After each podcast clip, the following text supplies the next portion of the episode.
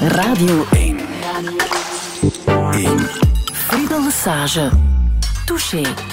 Touché gaat voor één keer zonnevreemd, want we zitten aan tafel bij Jeroen Brouwers in Zutendaal. Een zeer goedemiddag. Goedemiddag, Friedel. U bent uh, dit jaar 50 jaar schrijver. Uh, u heeft meer dan 70 boeken uit, waaronder uw elfde roman, Het Hout.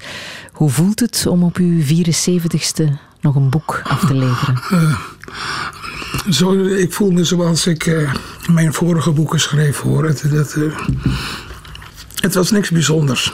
Dat boek diende zich aan of drong zich op. En ging ik zitten en ik schreef het. Zonder het idee van, goh, ik ben veel te oud nog om, om, zo'n roman te schrijven. Nee, dat was zoals altijd.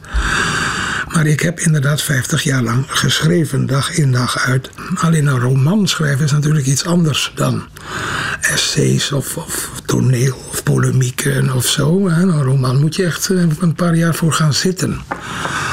Nou, dat heb ik gedaan. En daar was het hout.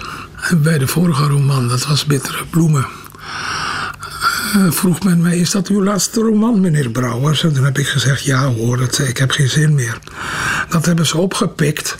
Dus nu het hout er toch nog gekomen is, dus, uh, zeggen ze, ja maar u, u, u, u, zou opgehouden zijn met de roman schrijven. Ja, ja. Misschien komt er nog wel een. zeg ik nu in plaats van, ik heb geen zin meer in nog een roman. Ja. Zolang ik adem heb, uh, zal ik wel blijven schrijven, ja. Deze maand zijn alle gasten in Touché bijna 70 of de 70 voorbij. Dat blijkt een behoorlijk straffe, betekenisvolle generatie te zijn geweest. Ja, dus Je kijkt verwonderd. Het sterke geslacht, hè? Ja, het sterke geslacht. Zou je ze zo omschrijven, uw generatie? Ik heb geen idee van mijn generatie. Ik weet wel, de generatie vlak voor de mijne dat waren de Ruislinken en de Vandeloos en, en chef Gerard en Paul de Wispelaar en zo. En Weverberg. Die zijn al over de tachtig. Dat, dat is de generatie der zeer sterken. Maar hoe het met mijn generatie is, weet ik niet. Weet ik niet. En voelt u een band met uw eigen generatiegenoten? Ik heb, ik heb geen enkele band met, eh, met literatuur. Ik ken niemand. Ik, eh, er komt hier nooit iemand.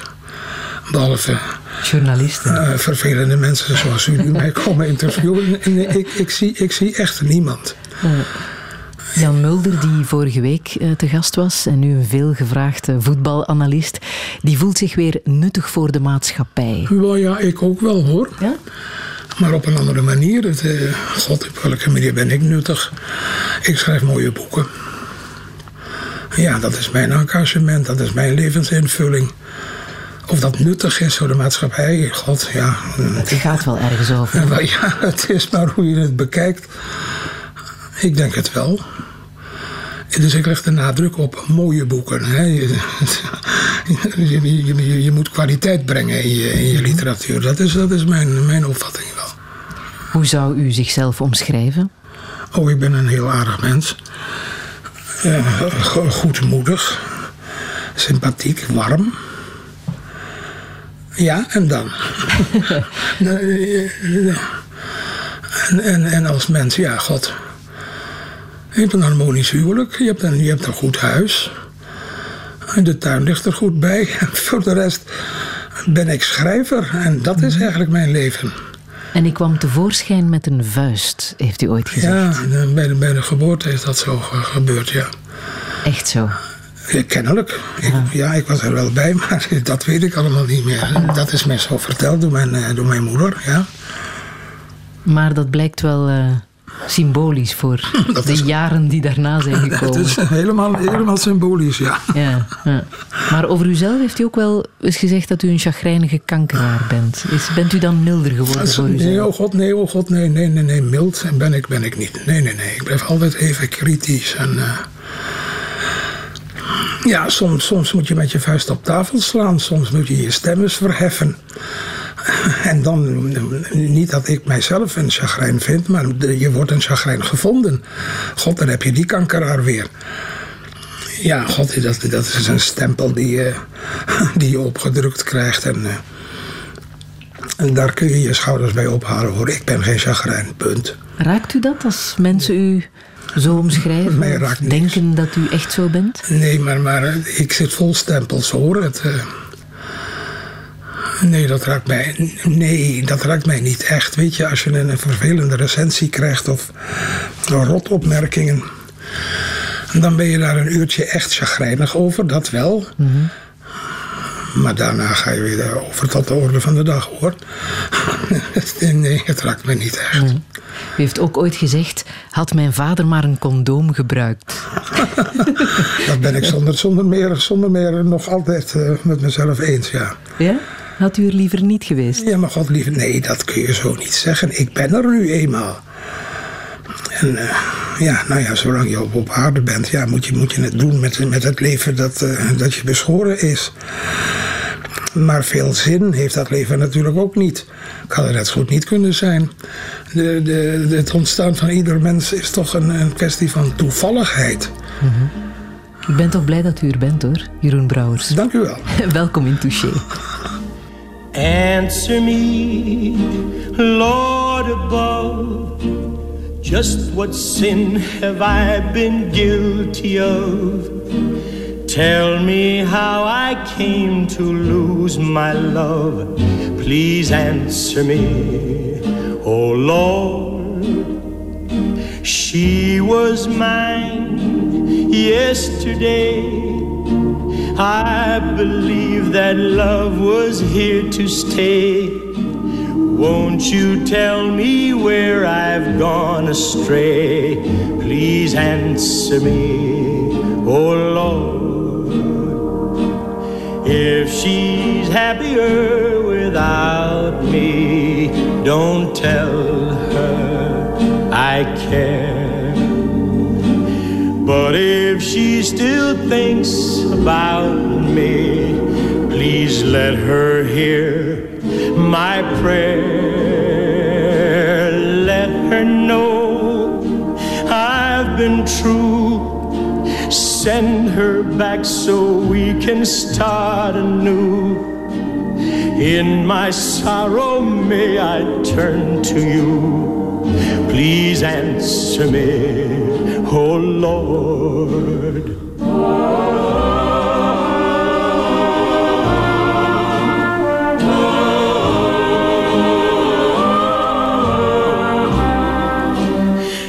She's happier without me, don't tell her I care. But if she still thinks about me, please let her hear my prayer.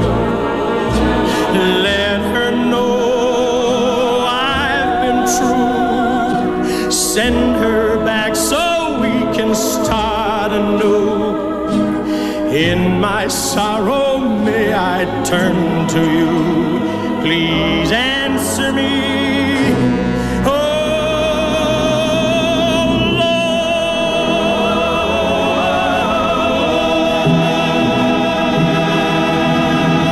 Frankie Lane met Answer Me, een nummer uit 1953, speciaal voor u gekozen, Jeroen Brouwers. Hij roept God om antwoorden op liefdesvragen. Ja, het is muziek uit de tijd van Het Hout, hè? Uw, uh, uw laatste roman. Ja, Het Hout speelt zich af in 53, ja. Op een jongenspensionaat. Ja. Waar dingen gebeuren die Gods oog blijkbaar niet hebben gezien.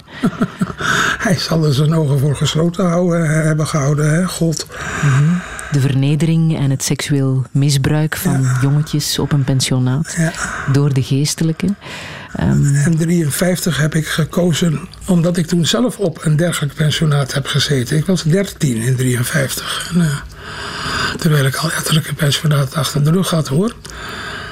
Toen dacht ik, nou ja, ik laat het in 53 afspelen. Dan, uh, dan, dan, hoef je niet veel te verzinnen bij het, bij het oproepen van zo'n pensionaat, van zo'n klooster. Dat zit nog allemaal in mijn, in mijn, in mijn hoofd. Mijn geheugen is wat dat betreft uh, ijzersterk gebleven. Ik heb van alles moeten opzoeken aan Latijnse teksten en, enzovoort, maar niet hoe dat, hoe dat in een pensionaat eh, verliep allemaal. En ja, dan moest je je toch verplaatsen naar 1953. In die zin werd het zelfs een historische roman. En dus heb ik daar allerlei muziek uit die tijd uh, ingenoemd. En de watersnoodramp en de dood van Stalin en zo. Dat vond allemaal in 53 plaats om de couleur lokaal te tonen. En ik zelf heb in, dat, in, in alle pensionaten waarin ik gezeten heb nooit iets meegemaakt van, van seksueel misbruik. Ze hebben hun tengels van mij afgehouden.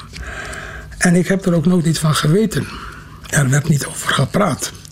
Ook niet onderling, de jongetjes onderling. Ik heb daar nooit iets, iets over vernomen. Totdat dat seksueel misbruik opeens nogal heftig in de kranten kwam. Het begon in Ierland en verplaatste zich naar Amerika, naar Duitsland en heel Europa was opeens in de band van het, het, het, het jeugdmisbruik. En toen dacht ik, ja, maar daar kan ik iets mee. dus jezelf terug verplaatsen in zo'n pensionaat, de, sfeer en zo. Uh, goed beschrijven. En dan, en dan zet je er zo, zo'n drama in. Je hoorde weliswaar niks, maar de sfeer was daar bedomd en, en daar, daar hing iets wat, wat, wat, wat iedereen angstig maakte. In ieder geval on, on, uh, onherbergzaam. Wat is hier aan de hand? Dat kwam je niet te weten, maar die sfeer hing daar. En die heb ik in mijn boek proberen uh, duidelijk te maken. Toch zegt u dat u een soort kostschoolsyndroom heeft overgehouden aan die periode. Zelfs zonder dat, dat soort dingen zelf te hebben meegemaakt. Ja, ja, goed. Ik heb dat niet meegemaakt, maar ik heb wel de kostschool meegemaakt. En dat was al erg genoeg. De drill en de discipline die daar, die daar heerste. En de... Want zoals u het omschrijft, ik wil niet op die school zitten. Hm. Zoveel is wel duidelijk. Ja, ik ook niet. hoe, hoe ver ging dat? Hoe ver ging dat ver, ver in, dat, in dat verband uh, is er in, in het hout nauwelijks iets overdreven hoor. Ja, dat ging heel ver. Vooral vernederingen. Mm -hmm. Je bent niks en je wordt niks en uh, verbeeld je vooral niks en, uh, en zo. In het hout wordt dat uh, gezegd tegen, tegen een van die jongetjes. Jij bent totaal niks. Je, bent, je bestaat niet eens. Jij bent eh, de nageboorte van een stinkdier. Ramen open zodat uh, jouw stank hier uh, vervliegt. Nou, op die manier, die, die, die, vernederingen, ja, die heb ik wel aan de lijve meegemaakt, ja. En het hout... Ja, het hout heb je, voel ik ook nog steeds. De stok waarmee werd geslagen door de broeder? Nog, die voel ik ook nog steeds aan mijn kont, ja. Hm. Ja. Ja, ja, geslagen. Ja, ja, ja. En wat moest u dan gedaan hebben voor dat soort lijfstraffen oh, werden uitgedeeld? Totaal niks. Al was het een, een, een, blik die je, die je wierp op broedermans wetens, dan was dat al meteen een brutale blik. Kom jij maar eens mee. En zo, zo, je hoefde niks te doen. Als hij zin had om te slaan, dan werd er geslagen. Ja. U zegt dat het zelfs erger was dan het Jappenkamp, wat u ook heeft meegemaakt. Ja, maar ja, dat, dat kan natuurlijk niet. Maar dat moet je plaatsen in de tijd van mijn leeftijd. Dat Jappenkamp heb ik meegemaakt toen ik drie, vier, vijf was. Dus dan nog een kleuter eigenlijk, hè. Terwijl die kostschool, toen was ik al tien, van tien tot zeventien heb ik op die kostschool gezeten. In die, in die zin was die kostschool erger dan ik mij dat Jappenkamp kon herinneren. Toen, toen Besonko Rood ja, verscheen, toen had men erover, die Brouwers heeft een kampsyndroom. Dat heb ik nooit gehad. Ik heb een kostschoolsyndroom. En waarom moest u op kostschool? God, ik zal een, on, onhandelbaar jongetje zijn geweest. Dat vond ik mezelf niet hoor, maar dat bepalen je ouders dan. Onhandelbaar. Ga jij maar naar kostschool, daar, daar leer je wel discipline en uh, zo. En heeft u daar met uw ouders kunnen over praten dat u het daar echt niet prettig vond? Het was goed voor mij, het is voor je eigen bestwil. Hè? Dat is de, de, de, de kreet die je dan altijd te horen krijgt. Het is voor je eigen bestwil. Het is goed voor je. Nou ja. in die zin dat ik er op een 74ste nog altijd over praat. je moet dat nou ook weer niet te, dramatisch maken hoor. Maar het, zit toch nog in me, ja. U heeft op drie kostscholen gezeten. En de tweede was een soort missieschool waar missionarissen en priesters werden opgeleid. Wat waren ze met u van plan? Ik ben begonnen op de lagere school, de vijfde, zesde klas. En daar was ik een, eh, een intelligent jongetje. Ik haalde negens en tienen op mijn rapport. En toen zei men, die jongen heeft heel wat in zijn mars, die moet naar het gymnasium. Dat is in de katholieke wereld meteen een seminarie. Dus ik werd op een seminarie gepoot. In een missiehuis. Dat is, dat is een, ja, een instituut waar, waar, waar men eh, wordt opgeleid tot missionaris in China of in Congo. Of nou ja, goed. dat zag ik mij niet doen. Ik wilde A geen priester worden en twee wilde ik niet naar China. Dus ik heb mij daar zo verschrikkelijk misdragen. Werkelijk, hè, met, met opzet. Zo, misdragen dat ik daar enkele uh, trimesters van werd afgetrapt. Nou ja, toen was er helemaal geen, geen land meer met mij te bezeilen, hè, vonden mijn ouders. En toen kwam ik op, uh, op dat derde pensionaat terecht waar, dat, waar het hout zich, uh, zich afspeelt. Ja, Blijerheide in Kerkrade. Ja, maar dat staat er niet hoor. Dat staat niet, zo niet in mijn hout. Is de school waar u heeft gezeten, het pensionaat waar u heeft gezeten. En waar het toch op gebaseerd is. Wat voor, wat voor school was dat dan? Dat was, zoals dat toen heette, een MULO. Meer uitgebreid lager onderwijs, MULO. En dus dat was eigenlijk van het hoogste onderwijsniveau afgezakt naar het allerlaagste. Ik heb daar niks geleerd. Ik heb daar, ik heb daar uh, gevoel voor Duits aan overgehouden. Die school die, die, die, ja, dat, hè, speelde zich af in Nederlands-Limburg aan de Duitse grens. Dus dat kreeg ik in mijn oor. Dat heb ik nog altijd in mijn oor, dat, dat Duits. En, nou ja, dat heb ik eraan overgehouden. Maar voor de rest niks. En dat is de reden waarom broeder Mansuetus uit het boek dat heel erg Duits aan dat, dat, dat, was een mof, hè, waarschijnlijk. was het zelfs een oorlogsmisdadiger. Mm. De oorlog in 1953 was pas acht jaar uh, achter de rug. Voelde u dat toen u daar op dat pensionaat Ja, nee, nee, nee, nee. Ik heb die oorlog in, in Nederland niet meegemaakt. Ik, ik, ik heb de oorlog in Indië meegemaakt, in, mm. in voormalig Nederlands-Indië.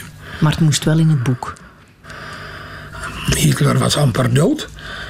In, in, hè, stel je dat voor, dat was nog zo vers in het, in het geheugen van de mensen, die oorlog, dat uh, ik daar niet aan, uh, aan, aan, kon ontsnappen in, uh, in het hout. U bent wel eens teruggegaan naar dat pensionaat, ja, een aantal met, jaar geleden. Met Gwenny ben ik teruggegaan. En hoe was dat? de, de, de fotograaf Klaas Kopper. Die moet voor Snoeks Almanak een, een reportagereeks maken over mensen die teruggaan naar de plaats waar hun karakter is gevormd. En toen zei ik tegen Klaas, ja, dan moeten we teruggaan naar uh, het eiland Java, waar ik ben geboren, in het verre Indië. Maar dat was te bezwaarlijk. En toen zei ik, nou ja, mijn karakter is toch ook voor een groot deel gevormd daar in Breierheide. En dus zijn wij daarna teruggegaan. Met Gwenny, mijn vrouw en... Eh, die muren die, die beschreven zijn in, in het hout, die zijn nu weg. Dus dat waren echt hoge muren van, van wel vier meter hoog. Met daarbovenop glasscherven. En daarbovenop nog vier rijen prikkeldraad. Totaal niet, niet uit te ontsnappen. Nou, die muren waren weg. Dus ik kwam van de straat meteen op wat vroeger de, speel, de speelplaats was. Het is nu geen, geen jongenspensionaat meer, maar een of ander conferentieoord of zoiets. Op die speelplaats staan nog steeds, liggen nog steeds dezelfde tegels als toen. En staan nog steeds dezelfde kastanjebomen als toen. Dat viel op me neer, nou ja, als, een, als oud zeer zo. Ik ben hier terug. Na 50 jaar was dat. Of nog langer. Er was weliswaar van alles veranderd en, en niettemin was er niks veranderd. Ik, ik was daar en ik, ik, ik, was weer een jongetje van 13, 14, 15, 16. Zo. Toen, toen ik daar was in mijn puberteit zo. En, uh, dan dacht ik, ja, hier is het, hier is het gebeurd, ja. Dus als er ergens mijn karakter gevormd is, dan is dat daar wel. Mhm. En hoe dan? Wat voor karakter heeft u daar dan aan ja, overgehouden? Nou ja, het, het, het, het, het karakter dat... Uh, waar, waartoe mij werd bijgebracht dat ik niks, niks voorstel. Alles wat jij kan, dat heb je van God gekregen. Ver, verbeeld je niks. Jij kan uit jezelf niks en je wordt niks en zo. Dat, die, die, die sfeer kwam terug. En die heb ik nog altijd. Ik ben eigenlijk geen goede schrijver. Ik ben een prulschrijver enzovoort. Die gedachten. Ja, nou ja, dat is mij daarbij gebracht. Mm. Je bent helemaal geen goed mens, je bent een slecht mens, enzovoort. Als het al een voordeel heeft gehad, die zeven jaar kostschool, is dat u daar behoorlijk wat boeken over geschreven heeft. Het was een goudmijn voor uw schrijverij. Dat, was een, dat is een goudmijn geweest, ja. Diezelfde kostschool die, die, die zit al 50 jaar geleden in mijn debuut. Mm En die broeder Mansuetus heette daar Emanuetus of zoiets. Dat zit al in mijn debuut. En heel nadrukkelijk in De Zandvloed.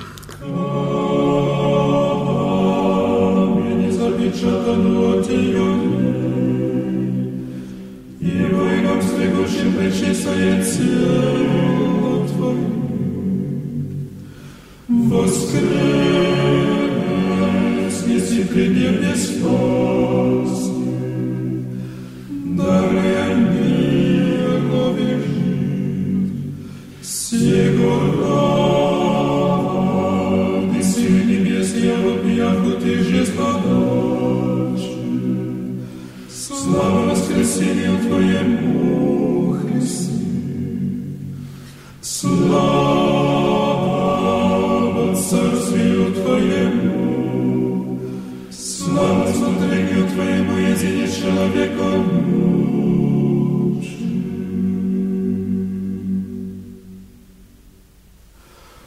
От юности Христа возлюбил, если блажен.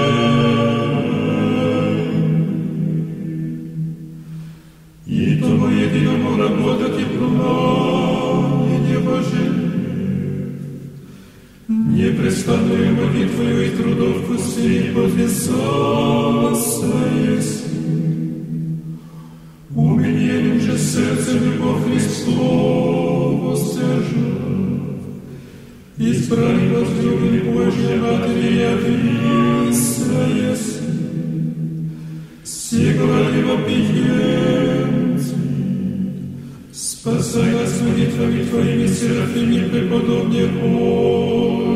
Dit waren de monniken van Chevetonje met La Divine Liturgie. Jeroen Brouwers, uh, houdt u van dit soort liturgische gezangen? Uh, ik, hoor dat dat, dat dat goede muziek is. En god, ik luister daar wel eens naar. Zoals je in een, in, in een bui van, van, van sereniteit bent. En, en dan zet ik dat wel eens op. Die kostschool, dat was allemaal heel verschrikkelijk. Maar er, waren toch ook elementen bij die mij verrijkt hebben. Onder meer deze, deze muziek. De taal die daar gesproken werd, dus de, kerkelijke taal zoals die vroeger in de mis nog te horen was. Nu niet meer, maar toen. Dat heeft mij zeer verrijkt. Dat heeft mij mijn taalgevoel gescherpt. Uh -huh. Ik, had daar, ik had daar aandacht voor. Toen al, toen al als, als puber, wist ik dat is mooi. Zo. En uw encyclopedische kennis over de katholieke heiligen, dat bent u ook nog niet kwijt. Hè? Want ook dat is te merken in het hout. De naamdagen worden af en toe geciteerd. Ja, ja, ja, ja, ja, ja, ja. ja. Die kent u echt uit het hoofd? Wel, nee. nee wel uit het hoofd gekend. Mm -hmm. Omdat je daar op die kostscholen iedere dag naar naar de mis moest. Iedere dag, hè. En dus, dus bestond mijn tijdsvulling eruit mijn hele missaal te lezen. Dus bij, je, je kwam steeds heilige leventjes tegen. Die heb, ik, die heb ik aandachtig gelezen, meerdere keren. Ja goed, dat zijn ook dingen die, die bij je blijven. Maar, maar zo encyclopedisch is het niet meer, is niet meer in mij aanwezig. Sinterklaas is op 5 december. de heilige Frans, Hieronymus, wanneer is dat? 17 augustus. De heilige Franciscus 4 oktober, dierendag. Mm. uh, en zo, dat soort dingetjes, weet, weet ik nog wel. Maar voor de rest heb ik het moeten opzoeken hoor. Maarten het Hart die zegt, we moeten terug naar de tijd toen de katholieke kerk in onze lage landen verboden was. Wat denkt u? Ach, verbieden kan je alles wel. Het hoeft voor mij niet verboden te worden hoor. Uh, want als je de katholieke kerk wil verbieden, verbied dan ook maar de, de Lutherse kerk en, de islam en, en uh, het boeddhisme en zo. Mensen hebben kennelijk behoefte aan een geloof. Zich daaraan op te hangen, zich daaraan vast te, klampen. Nou ja, die mensen moet je die, die zekerheid niet ontnemen. Dus je moet eigenlijk nooit iets verbieden hoor. Het, uh, maar begrijpt u dat dat soort dingen zijn gebeurd? Het seksueel misbruik van kinderen in dat soort jongenspensionaten? Ja, wat moet ik daaraan begrijpen? De, de, de, de inquisitie begrijp ik ook niet, maar dat gebeurde allemaal. De, de Joden werden per 6 miljoen vergast. Daar begrijp ik ook niks van, enzovoort. Het heeft toch allemaal te maken met geloof. En, nou, weet je wat, we zetten je maar eens op de brandstapel. Of we, we, we, we vergassen je maar in een, eh, in, een, in een kamp en zo. Dat heeft allemaal te maken met geloof. De figuur van ehm, broeder Bonaventura kijkt toe, ziet alles gebeuren, maar hij zwijgt. Naar het schijnt heeft u zelf ook zo'n broeder Bonaventura Er is broeder- gekend. Jazeker, jazeker. Broeder Bonaventura, ja, dat was een lieve man. En wij mochten elkaar wel. Dus ik was een jongetje en hij was al, god, hij, hij zal 5, 26 zijn geweest of zo. Was een aardige man. Die nam mij ook wel in bescherming en, en zo. En eh, ik, hield, ik hield wel van die man. Als een oudere broer zo. En eh, ik ging van die kostschool af en ik begon te corresponderen met broeder Bonaventura. Die schreef mij terug, schrijf mij maar liever niet. Mijn oversten willen liever niet dat ik, dat ik met jou eh, brieven en brieven wissel. En ik eigenwijs bleef hem brieven sturen, die tenslotte ongeopend naar mij werden geretourneerd door het klooster zelf. Ik ben hem uit het oog verloren, in die zin dat ik nog weet dat ook hij uit dat klooster is getreden. Vandaar dat ik hem Bonaventura noem in, mijn boek. En ergens in Duitsland terechtgekomen is, Düsseldorf of zo, waar hij gehuwd is en twee dochters heeft gekregen. Hij heeft mij daar nog een foto van gestuurd, die ik helaas kwijt ben. Hij met zijn vrouw en die twee dochtertjes. En weer later hoor ik dat hij gestorven is. Dus hij is helemaal uit mijn leven verdwenen, maar ik herinner hem nog. Ik heb zijn- een klein fotootje van hem, een pasfotootje van hem ergens, ergens liggen nog. En dat was ja, een, ja, een goede aanwezigheid in, in, eh, die kostschooljaren. Toen u van die kostschool afging, toen u 17 was, wat voor iemand was u toen? volstrekt wereldvreemd. In letterlijke zin, vreemd aan de wereld. Je, je, je, nooit een vrouw gezien, ja, mijn zus.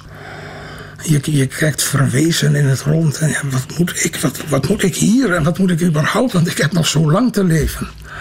En ik wist het niet, ik wist het niet, ik wist het niet. Op een kantoor zitten, dat is niks voor mij. Dus achter, achter een loket van het postkantoor, daar zag ik mij niet zitten. Ja, wat dan, wat dan? En toen wist ik iets met kunst. Ik, had iets, ik voelde mij aangetrokken tot kunst. Weet je wat, ik word acteur. Was ik echt van plan. Ik heb toelatingsexamen gedaan in Amsterdam op de toneelschool. En toen zei de, de directeur daar... eh, dat wordt niks met jou. Begin maar met spraakles, want mijn stem deugt niet.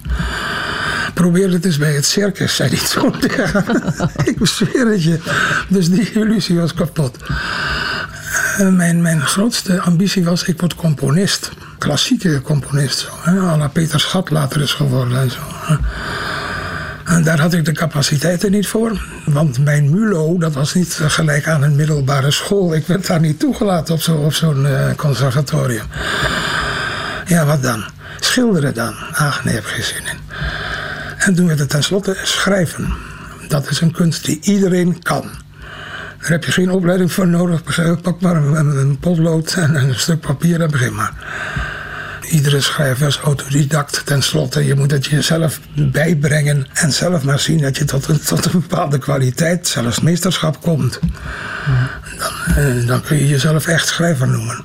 En zo is het gegaan. Ja, maar dat heeft heel lang geduurd voordat ik mezelf schrijver durfde te noemen. U bent ook nog even het leger ingegaan, hè? Ja, maar dat was, dat was eh, dienst, dienstplicht. Dat woord bestaat nou ook niet meer. Maar je moest toch eh, met in, in dienst op je negentiende. ja. Bij de marine. ja, Hoe kwam u daar dan terecht? I don't know. Je wordt gekeurd. Lichamelijk, maar ook, ook geestelijk en zo. En nou ja, dat wees uit. eh, Hij, hij is waarschijnlijk het meest geschikt voor de marine. Tot mijn geluk. Van militaire dienst, dat is eigenlijk nog een stapje verschrikkelijker dan de kostschool. Hè. Daar kun je helemaal niet meer op enige manier je eigen eh, je, je ka- karakter eh, demonstreren.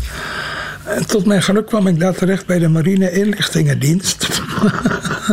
ik lach hoor, maar dat was ook een belachelijke legeronderdeel. Waarin je Eh, zoals James Bond. Je leerde vermommen. met snorren en met pruiken en met hoedjes en, en zo. En, eh, en dan kreeg je als opdracht volgen. Mensen volgen. Het Centraal Station in Amsterdam, ga daar maar staan. Daar komt met de trein van 11 uur 10 een man uit de voorschijn met witte schoenen en een beige regenjas. Verzin het maar. En ga die maar volgen. En dan moest je een rapport over schrijven. De man liep over die brug, door die straat. Hij bezocht daar een, een winkel, een klerenwinkel of een boekwinkel. Ja. Dat je zou voor minder schrijver worden. Oh ja, nee, nee, ik, ik, vond, ik vond dat schitterend. De marine inlichtingendienst, MARIT afge, afgekort. Ik heb daar ontzettend gelachen. En dus in, in militaire dienst, ik, ik heb daar scheef gelegen van het lachen. En ik blonk erin uit, dat mag ik er ook nog wel bij zeggen. Ja? Toen, toen mijn militaire dienst erop zat, na twee jaar of zo, werd ik bij de, ja, de overste geroepen. En die stelde mij voor om in dienst te blijven omdat ik zo uitblonk in het legeronderdeel. Ik heb daar ook geen tal aan over gepiekerd natuurlijk. Om toch even op te scheppen over hoe goed ik was in bij de marine. Kiss all the pretty ones goodbye.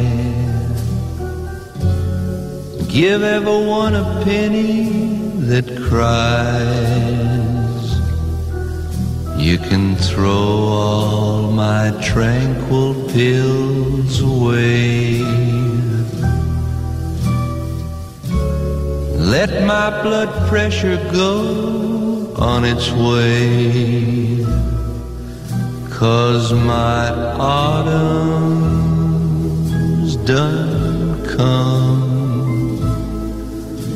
My autumn's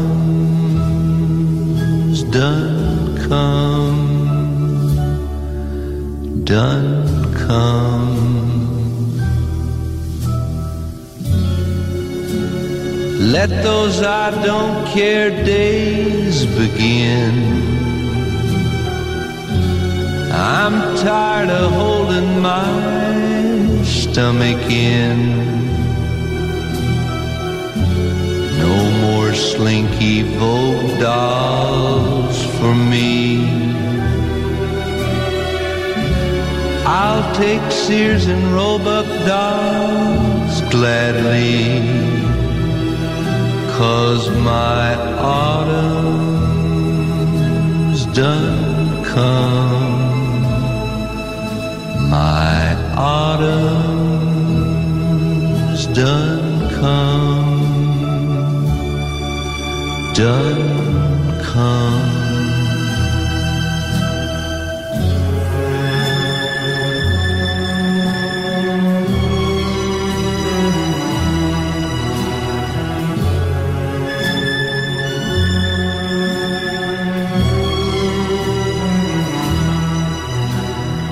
Dit was uh, de fantastische Lee Hazelwood met My Autumn's Done Come.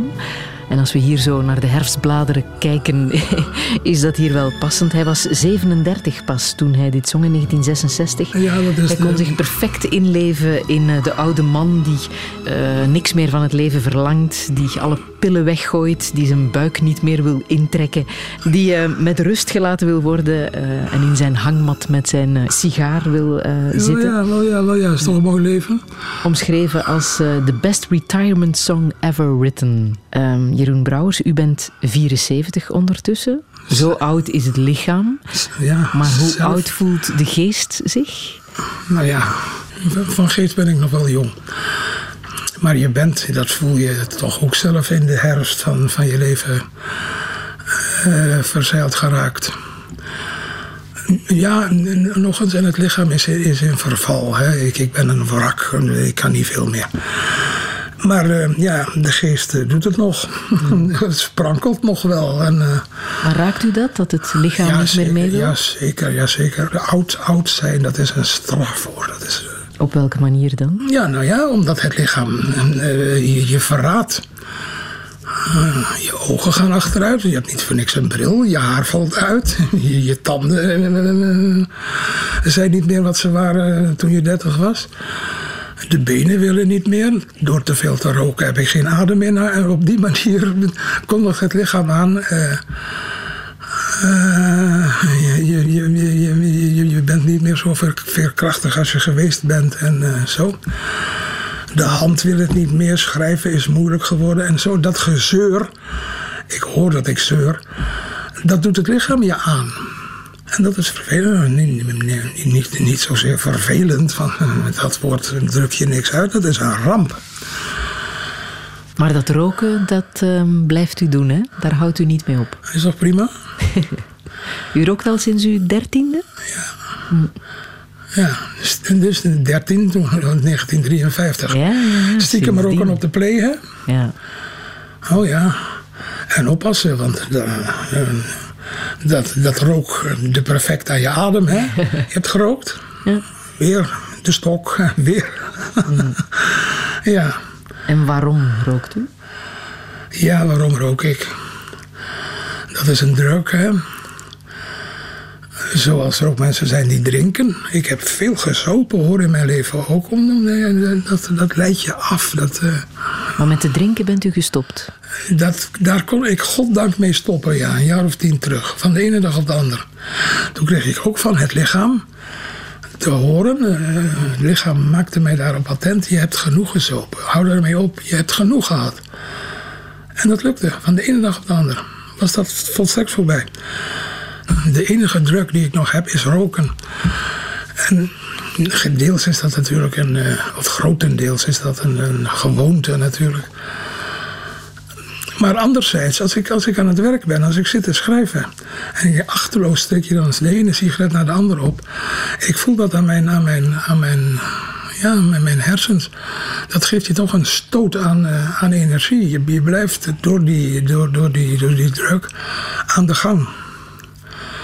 En voor de rest, als ik niet aan het werk ben, is dat roken niet nodig.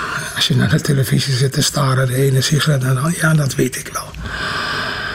Laat mij nou maar. Het, is, het is nou toch te laat om daarmee te stoppen. Op mijn leeftijd nog, terwijl je al 60 jaar rookt, stoppen met roken. Ik denk niet dat het nog enig nut heeft. Mm. En dat schrijven, hoe gaat dat met uw rechterhand? Nou, daar heb ik nou mijn sigaret mee vast. En je ziet. Mhm. dat gaat heel moeizaam. Dat gaat heel moeizaam. Want u schrijft nog altijd met de hand. Ja, ik kan niet anders. Ook dat ben je gewend uit je, uit je, uit je prille jeugd. Wanneer begon ik te schrijven op mijn negentiende of zo? Toen waren er nog geen computers en, en dat soort toestellen. Ik, ik, kon ook niet schrijven op een tikmachine. Dus echt creatief eh, naar woorden zoeken en, en uh, composities maken, dat kon ik niet op, op, een machine. Dus ik schreef met de hand. Wat ik tot op de huidige dag doe. Mhm. En hoe heeft u gevoeld dat er iets aan de hand was? Uh, letterlijk? Ja, um, op, een gegeven moment we, deed die hand het niet meer. Punt. Uitgerekend die rechterhand? Ja, uitgerekend de rechterhand, ja. Mm. En toen heb ik toch een paar maanden in, in paniek doorgebracht. Ja? Dat ik op deze stoel naar de tuin zat te staren en niks meer kon. Niks meer, niks, helemaal niks meer. Met die hand bedoel ik. En dat was door een klein herseninfarct? Ja, dat waren herseninfarctjes, ja. En eh, daar is mijn boek Restletsels uit ontstaan. Je wordt daar wel aan behandeld, hè? Aan, aan zoveel aan de hand. Je krijgt elektrische schokken en, en, en zo. En langzaam maar zeker leer je je vingers weer te bewegen. Dus, dus de, de, top van je pink, je vingers en zo, naar de top van de duim brengen, dat kon ik niet meer en zo. Nou, dat soort dingen gaat wel. Maar, zei die therapeut erbij, je houdt restletsels eraan over. En dat woord kende ik niet. En dat heb ik meteen ingepikt. Een prachtig woord, restletsel. Ja, nou ja, dat merk ik. Ja, elke nadeel heeft zijn voordeel, toch wel, hè? Dat woord is prachtig. Ja. Zo, en het gevolg is ook dat er heel bijzondere manuscripten ontstaan. Ook nu weer van het hout. Die te zien zijn in het antiquariaat Damien in, uh, in Antwerpen. Daar hangen ze op. Daar hangen ze aan het plafond, ja. En dat krijgt waarde. Wat vindt u daarvan? Welke waarde heeft dat? Toch wel iets, denk ik toch meer dan uh, wat iets wat op de computer is geschreven. Oh, in die zin kan ik me dat voorstellen. Want ik denk dat, dat op een computer niks overblijft. Mm niks, niks, niks tastbaars overblijft. En een manuscript, ja, nou ja, dat is een manuscript. En verder de waarde daarvan, wat de gek ervoor geeft hoor. Wat zou u er zelf aan geven? Niks. niks. Ik, ik mag ze niet weggooien van. Mm. Want u heeft er zelfs verbrand, hè? Heel vroeger, heel vroeger. Ja, maar mag niet meer van haar, hè? Van haar. en u heeft er ook weggegeven, nu, aan Dimitri Verhulst. Dimitri was erachter gekomen dat ik mijn manuscripten schreef op, uh, uh, op oude bakkerszakken en zo. En toen heeft hij een laudatio gehouden bij het verschijnen van het hout. En die had hij geschreven op een papiertje van de slager. En dat bezit ik nog ergens. Uh, wat wil ik nou vertellen? Oh ja, en toen uh, moest ik hem, hem antwoorden, uh, danken voor die laudatio. En die had ik geschreven op een bakkerszak. En dat manuscriptje heb ik hem gegeven. U houdt er nog wel aan om te gaan signeren, hè? Op de boekenbeurs en in de boekhandel De Zondvloed? Ja, dat zijn dus, dus enkele incidentele gevalletjes dat ik nog wel eens een uurtje ga zitten signeren, ja. Maar dat gaat niet meer hè, met mijn hand. Dus ik heb een stempeltje met mijn handtekening erop.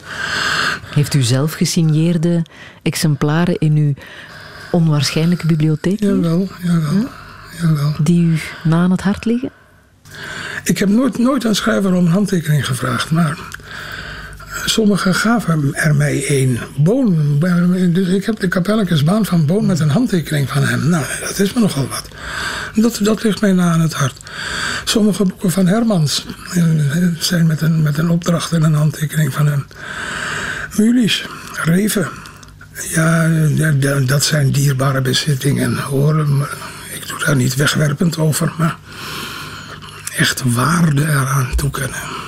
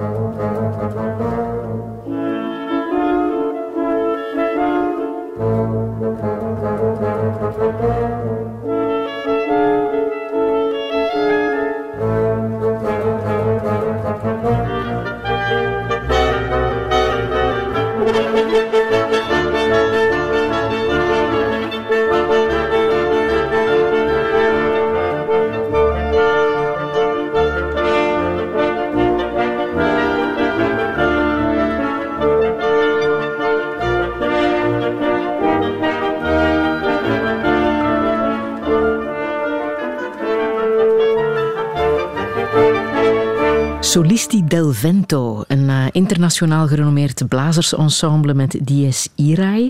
Een uh, fragment uit een nieuw requiem naar Mozart. En uh, muziek die u niet onbekend is, hè, Jeroen Brouwers. U refereert er ook naar in Het Hout. Maar een aantal jaar geleden is deze muziek herwerkt geweest met een tekst van u en met werk van Roger Ravel in een regie van Josse de Pauw voor een voorstelling. Ja. Hoe bijzonder is deze, deze muziek voor u? Die, die muziek is prachtig natuurlijk.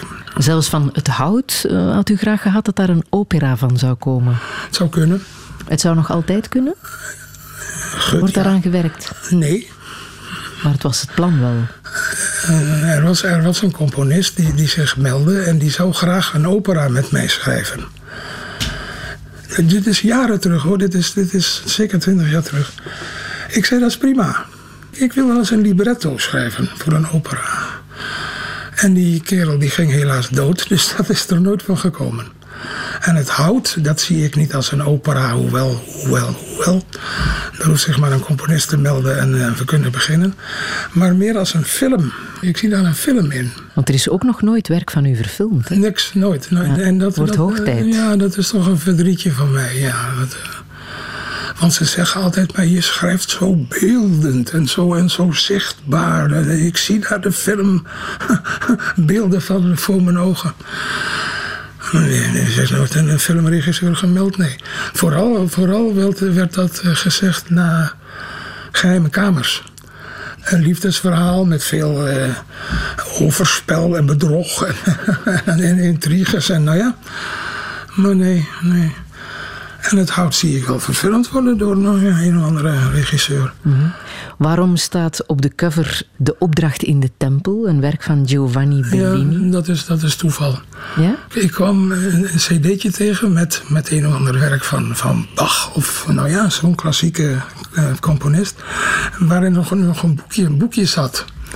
En dat doorbladerend zag ik daar dat schilderij van Bellini, De Opdracht in de Tempel. Een groot, groot doek. Met helemaal onderaan, in een hoekje onderaan, die twee jongetjes die nu op de omslag van het hout staan. En toen zei ik meteen, die zijn het. Die, die, moeten, op, die moeten op het hout. En zoals ze nu op het hout staan, zijn ze iets wat, iets wat te oud. Hè? Dat zijn jongetjes van, van over de twintig toch. Maar dat geeft niet, geeft niet. Een mooi, mooi beeld. Het zou kunnen. En uh, die twee jongetjes waren alle twee zwart. Zwart, zwartharig. en toen heb ik tegen de ontwerper gezegd... Daarom, die ene, die achterste, moet blond zijn. Ja, maar dat kun je toch niet doen? Dat, ik zeg, ik heb daar de schilder Bellini persoonlijk over gebeld... en die vond dat goed.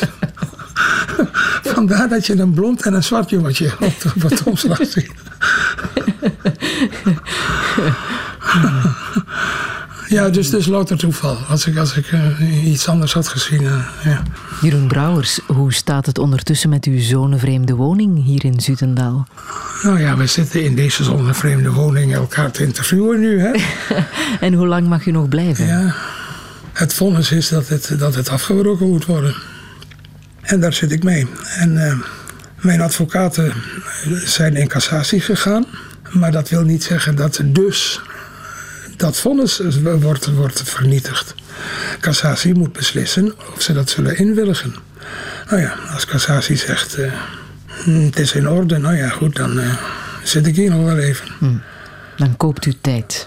Ja, dat, is, dat is gevonden tijd, ja zeker, ja zeker. Maar stel dat u echt weg moet, wat gaat u dan doen? Dan ben ik dood. Dat, dat, dat, dat red ik niet.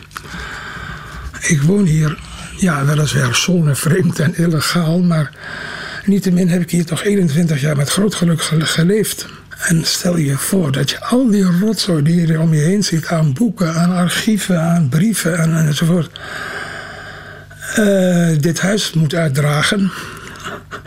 Plus je bed, je tafel en alles wat, wat daarbij hoort. En het dan bovendien nog moet afbreken ook. En dat wordt mijn dood. Dat, dat red ik niet. Dit is toch een schrijversmuseum? Hier mogen ze toch sowieso niet aankomen? Nou, Noli me tangere staat er aan de ingang. Gaat, gaat maar zeggen aan het gerecht. Hm. Helpt dat niet om te zeggen ja, nee. dat hier waarde is gecreëerd? Dat hebben mijn advocaten allemaal al lang geopperd. En uh, ja, en Brouwers is ziek en hij is al zo oud. Daar heeft het gerecht niks mee te maken. Die woning die moet weg, punt. En ja, dat is terecht natuurlijk. Ik woon hier inderdaad in een overtreding. Ja, dat zie ik wel in. Bij het begin van de straat staat een uh, monument, hè? Dat neem ik dus mee, hè? Dat, dat, neemt u mee. dat neem ik mee als ik hier weg moet. Ja. En daar staat op: de zin van het leven is. Oh ja, sporen nalaten. Ja, ja dat staat ergens in een van mijn boeken. Ja. Dat is zo? Oh ja, ik dacht, ik, dacht, ik dacht dat we het nog over het huis hadden. Dus sporen nalaten. Er is geen spoor meer van dat huis als het, als het Dat zal niet gebeuren. Dat breken ze af. Enig idee of het monument zo'n vreemd is? Of is daar wel een bouwvergunning nee, voor nee, aangevraagd? Nee, dat is, dat is officieel geopend door de gemeente, de burgemeester en de fanfare. En, nee, Maar dat zou wel erg zijn, dat het monument mag blijven bestaan en uw huis moet verdwijnen. Nee, ik breek het persoonlijk af. Oh. maar u heeft wel al aanbiedingen gehad, hè? onder andere van de abdij van Tongerlo, om daar te gaan Ja, wonen? een of andere abdij, ja. Ja, wij hebben, zeiden die paters, nog een, een tuinhuis. Dat ongeveer overeenkomt met, met dit in Sutendaal. Dat, dat hebben ze op foto's gezien natuurlijk. Ja, maar ik zie mij al in het tuinhuis van, van, van de paters van Tongerlo zitten met mijn goddeloze boeken. Maar waar zou u echt willen wonen, als u echt kon kiezen? In een huis als dit, ergens anders, desnoods. Of een kasteeltje? Ja hoor, een kasteel is ook goed. In Ukkel? Ja hoor, mits centraal verwarmd en, en voorzien van alle comfort en zo. Ja, ja, ja. En met huispersoneel als het even kan. Ja, tuurlijk. Ik moet een butler en, en kamermeisjes en eh, ja, natuurlijk. Maar uw hart heeft u wel verloren in Brussel, als het over wonen gaat. ik heb in Brussel met veel plezier gewoond. Niet, niet zozeer met veel plezier gewoond. Ik vond die stad prachtig. Interessant. Eh, ik kwam uit Amsterdam toen. En dat is eh, vergeleken bij Brussel een andere stad in ieder geval. Het, Amsterdam is kleinachtig. En met al die grachtjes en bruggetjes. En, dat was mij te, te, te Hollands, te, te benepen. Terwijl Brussel, dat, dat heeft iets... iets cosmopolitisch. En ook kwam ik daar in contact met andere talen. En tot mijn spijt, ik zeg, ik zeg eh, op mijn oude dag, tot mijn spijt heb ik daar geen Frans ge- gesproken in Brussel. Dat had ik moeten doen. Maar zo dat. En een andere cultuur ook. Een, losser en, en, schilderachtiger. En ander soort mensen. En dat trok mij zeer aan. Nu nog, nu nog. Eh, ik, zou, ik zou meteen terug willen naar Brussel, mits, mits eh, Ja, het, eh, de vraag is gesteld. met, met, met, vele, Wie een aanbod heeft, mag het ons altijd laten met weten. vele mitsen.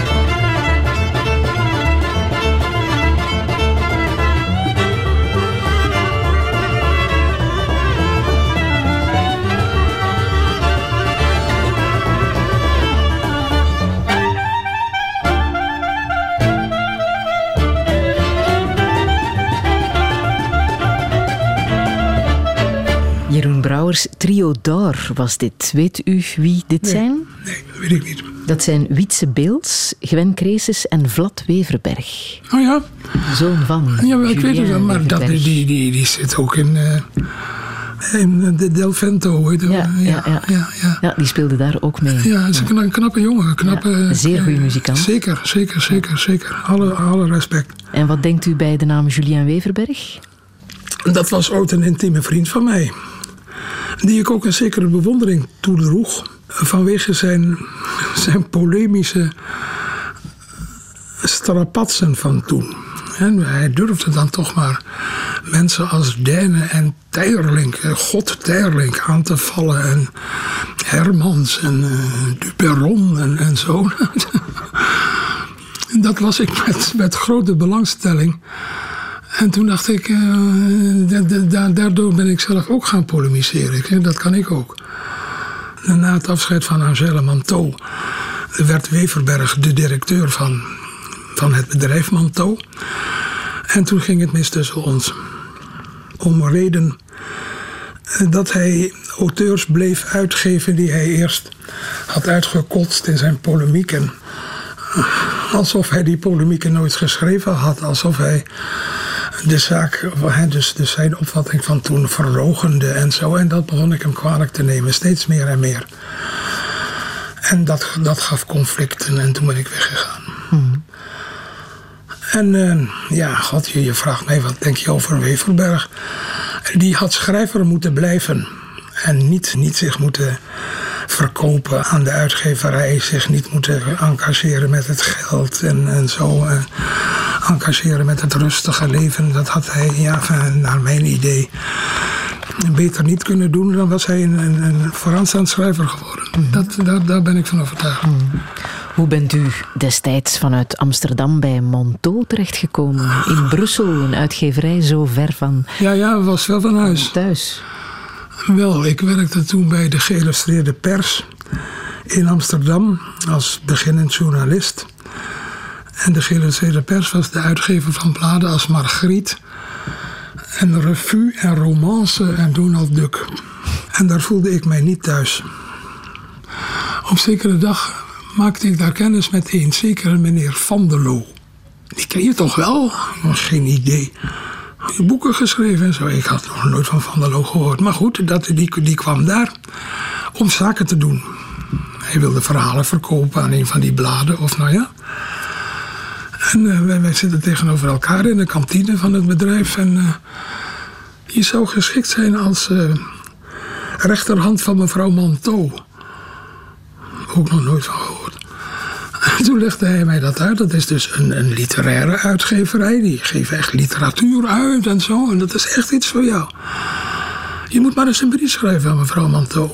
Nou, dat heb ik gedaan. Ik solliciteer. En zij nodigt mij uit voor een gesprek. En zo, en zo ben ik in Brussel terechtgekomen. Wat wist u op dat moment van de Vlaamse literatuur? Niks. Duidelijk niet Niks, zo heel erg niks, veel. Niks, niks. Dat wil zeggen niks. Dat moet je nuanceren. Terling las ik al op mijn zestiende. Echt waar. Er kwam een boek van Terling in mijn leven. En ik meen dat dat Rolande met de bles was. Ik ruik die walm van literatuur. Van, ah, eh, zo schrijven, dat kan ik nooit. En, eh, maar zoals meneer Terling dat doet, zo, zo zou ik het ook willen kunnen. Dat was toch wel mijn, mijn, mijn, mijn link met de Vlaamse literatuur. Maar verder wist ik totaal niks. Dus u bent beginnen lezen, hè? Ja. Daar ter plekke ja. bij Monteau. De bibliotheek van meneer Monteau. Van meneer Manteau. en die had een bibliotheek zoals je het hier om je heen ziet staan. Dus een, grote rijkdom aan literatuur. En ik ben denk ik de, de enige Hollander die je kunt, kunt noemen... die zo op de hoogte is van de Vlaamse literatuur als ik. Ja, tot mijn plezier. Tot, mijn- ja. Ook dat is een verrijking. Hè? Dus in, in, in Holland blijft men zo vastzitten aan de Hollandse literatuur... zonder besef te hebben van, van de geschiedenis van de Vlaamse literatuur. Nu is het gewoon dat mensen als Mortier en Plezier en zo bij Nederlandse uitgevers zitten. Lanois, Brussel. Dat was toen niet. Vlaamse literatuur was iets, iets, iets buitenlands, iets heel ver weg. Daar hebben we nog nooit van gehoord enzovoort. Dat was toen zo. Maar u zegt met, met plezier, maar toch bent u bekend geworden met uw uh, Ja. ja, bekentenis dat u als een Nederlands redacteur het Vlaams heeft weggepoetst van al die Vlaamse auteurs. Wel, maar ook dat moet je plaatsen in de tijd. Nu zijn we in eh 69, 70, daar ergens. Mijn taak tenslotte, ik, ik was redacteur, hoofdredacteur, bestond eruit dat ik ja, met, met, met, die, met die manuscripten van, van toenmalige Vlaamse grote schrijvers geconfronteerd werd. En dat was, dat was een, geschreven in een wankel Nederlands. En Angèle zei, dat was haar filosofie, wat wij uitgeven dat moet Nederlands zijn. Dat moet in Amsterdam begrepen worden. En eh, ik wil niet horen dat ze in Amsterdam zeggen, ja dat is, dat is dat is... eh, eh. dat mocht niet van haar. Dus was mijn taak die manuscripten te vernederlandsen. nou ja, dat heb ik dus met plichtsbewustzijn gedaan. Daar heb ik toen twee polemieken aan gewijd. Dat waren geloof ik de eerste polemieken die ik schreef. Vlaanderen op zijn ergst. En Weverberg op zijn ergst, of nog erger, of, of weet ik veel, zoiets. Weverberg met GH aan het eind. En mijn erg ook met GH aan het eind, of erger met GH. ja, goed. Daar, daar legde ik dat, probleem voor. De Vlaamse schrijver schrijft geen Nederlands. Waarop de Vlaamse schrijver dan reageerde met, met uh, ja maar wij zijn pas de derde generatie die Nederlands heeft mogen leren. Sedert de, de, de vernederlandsing van de Universiteit van Gent. Nou, waarop ik antwoordde, ja, daar zijn jullie godverdomme al honderd jaar mee bezig, maar je schrijft nog geen behoorlijk Nederlands. Van, ja, schiet eens op. Ja, nou ja. Dus ik legde uit, ja, maar dat, dat werk van Ruislink, dat is van A tot Z herschreven. Van der Loo idem, Schouwenaars idem en Gerards idem enzovoort. Ja, maar dan natuurlijk al die schrijvers ontzettend kwaad op mij werden. En als ik toen in Vlaanderen was blijven wonen, was ik gelyncht, gegarandeerd. Nou ja, goed. En, uh, en, daar bestonden mijn zogenaamde Vlaanderen-pamfletten uit. Twee, twee grote polemieken tegen, tegen dat. Uh, en, het, en het geleun en het gevlei en het gefleem en het geflirt van Vlamingen met Nederland. Zelfs zover dat men zei: Vondel was een Vlaams auteur. Want hij is geboren uit Antwerpse ouders. Waarom is hij sodemieter toch op? Schrijf zelf eens. nou ja, goed. Dat, dat, dat, nu, nu kan ik daarom schateren. Maar dat, was heel, heel, heel ernstig. In Vlaanderen, niet in Nederland. Daar heeft men geen zucht over geslaakt. Maar hoe is het nu? Wat vindt u nu ja, van maar, de Vlaamse nu? Nu, nu schrijft iedere Vlaam... Die polemieken van mij... die zetten Vlaanderen nogal in brand. Totdat er een nieuwe generatie kwam, onder meer de Lanois. Die zei, ja maar Brouwers heeft gelijk. Natuurlijk moet je, wil je Nederlands schrijven, het Nederlands behoorlijk beheersen. En vanaf daar is er een kentering gekomen. Dus het heeft zin gehad, uw polemiek? Ik weet niet of ik daar nou... Uh, uh, de stoot toe heb gegeven. Maar ja, het, het, het is opgemerkt geweest. Hè? Zoals uh, de avonden eindigt. Het is niet onopgemerkt gebleven. En nu, de, de schrijvers van nu, die schrijven allemaal voortreffelijk Nederlands. Hmm. Voortreffelijk. Er loopt op dit moment een actie, een uh, onderzoekje bij Radio 1. Hoe Vlaams is uw Nederlands? Ja. Hoe Vlaams is uw Nederlands, meneer Brouwers? Volgens diezelfde enquête 7 procent. Ja, heeft u ze al gedaan? Ik heb ja? dat samen met Genie zitten doen. Een paar avonden geleden. En, uh, ja. 7 procent? Uh, ja, dus ja, al die zinnetjes die je dan krijgt. Ik zeg, het een goede test? Nee, ik vond het onzin. Ja. Al die zinnetjes die je daar krijgt, daar, daar herinner ik mij van. Ja, dat zijn de zinnetjes die ik toen bij Manteau onder ogen kreeg. En die ik dus vlijtig heb zitten herschrijven en heb, heb zitten verbeteren. Maar als ze daar nou nog mee aankomen, er is helemaal niks veranderd. En 7 procent, ik, ik weiger dat te geloven. Er zitten Vlaamse woorden in ja. het hout, hè? Ja. In uw nieuwe roman. Expres. En ze zijn niet gecorrigeerd. Ik wilde ik niet. Jawel, jawel. Mijn, mijn redactrice die zei, hey, wat doe je daar? Ik zeg, laat maar mooi staan. het heeft iets katholiekerigs. Dat, dat, dat, dat ouderwetse Vlaams, dat, dat, dat heeft iets Rooms. Maar het mag toch ook, de Vlaamse woorden in de Nederlandse taal? Oh, van mijn, die zijn toch meteen, ook Nederlands? Maar ook in mijn mantotijd zei ik, laat die mensen toch schrijven zoals ze schrijven. Ga dat niet, niet, niet corrigeren. Dat is vervalsing van de, van de schrijfstrand van die mensen. Dat moet je niet doen. Dit uh, onderzoek loopt in samenwerking met de Taalunie. Geweldig. Volgens u een nutteloos spookinstituut. Maar natuurlijk is dat zo. Ja. Wat doet die Taalunie zo al? En dat zeg ik voor de zoveelste keer, maar er is niemand die dat nou eens gaat uitzoeken. Wat doet die taalunie eigenlijk aan nuttigs? Ik denk dat het maar heel dun is wat, wat zij doen. Zo niet helemaal zinloos, nutteloos is. Ze zouden de strijd kunnen aangaan tegen het woord of het oneigenlijke gebruik van het woord eigenlijk. Ja.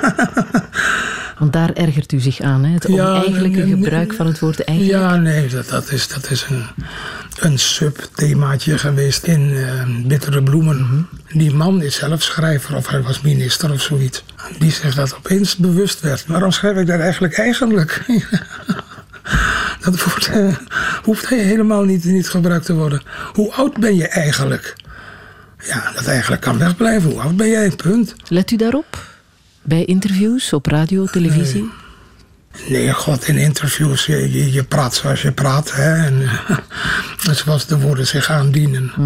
Maar u vindt het zelf moeilijker dan schrijven, hè? Praten. Ik praat niet goed. in, in die zin. Zegt u? in, in die zin. En de schrijven, dat is, ja... Diep nadenken over de formulering. Hè, of klopt je zin wel en staan alle woorden op zijn plaats en zijn al die woorden goed en zo. Maar praten, dus een interview geven, is wat anders. En dan praat je zoals ja, alle mensen praten. Zonder je zinnen af te maken, zonder op woorden te kunnen komen. Of de woorden verkeerd te gebruiken of zo. Hè. Dat, is een, een, een, andere discipline van, uh, van, van je uiten. En dat vindt u lastig? Ja, ik vind een schrijver, een deftige schrijver zoals ik, dient zich uit te drukken in gloedvolle volzinnen. exacte woorden, wo woordenkeuze en zo. En dat lukt nu helemaal niet. Valt goed mee hoor. Dank u wel. maar uw fascinatie voor de literatuur uh, is nog altijd immens. Hè? U knipt nog altijd artikels uit als het over literatuur gaat, ja, de Vlaamse en de dat, Nederlandse ja, literatuur. Dat, dat, heeft niks met mijn fascinatie voor literatuur te maken hoor.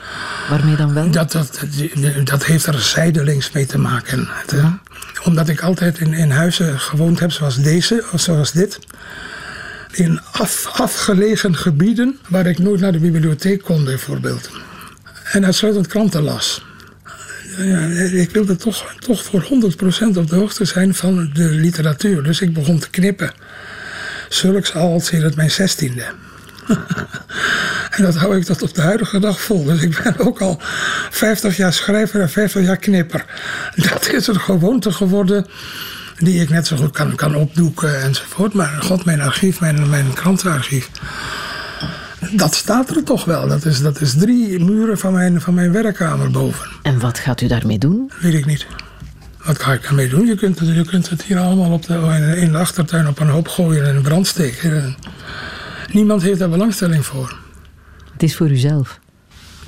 Ik heb daar veel lol van hoor. Ja? Zeker. Zoekt u nog wel eens iets op? Zeker. Ja? Bij het schrijven van essays en of, of, over literatuur, of polemieken zelfs. Ja, ja, ja. ja helemaal, dat moet helemaal perfect zijn. En daarvoor heb ik veel aan die, aan die mappen. Het internet, gebruikt u dat? Nee, nauwelijks. Ik ben niet, niet vaardig genoeg om, om, die, om die apparaten te bedienen. Dus geef mij maar de schaar en dan blijf ik toch op de hoogte.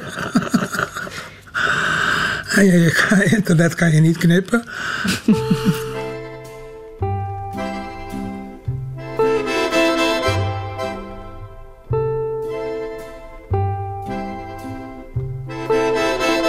C'est fou ce que je peux t'aimer, ce que je peux t'aimer des fois, des fois je voudrais crier.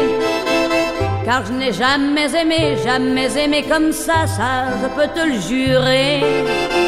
Si jamais tu partais, partais, me quittais, me quittais pour toujours, c'est sûr que j'en mourrais, que j'en mourrais d'amour, mon amour, mon amour. C'est fou ce qu'il me disait comme joli mot d'amour et comme il les disait. Mais il ne s'est pas tué car malgré son amour, c'est lui qui m'a quitté. Sans dire un mot, pourtant des mots, il y en avait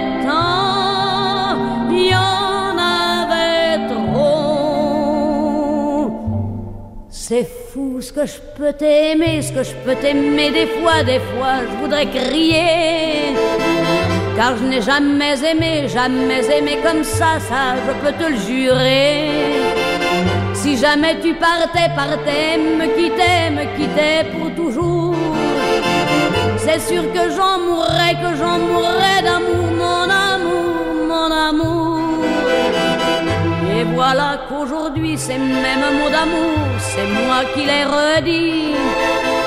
C'est moi qui les redis avec autant d'amour à un autre que lui. Je dis des mots parce des mots,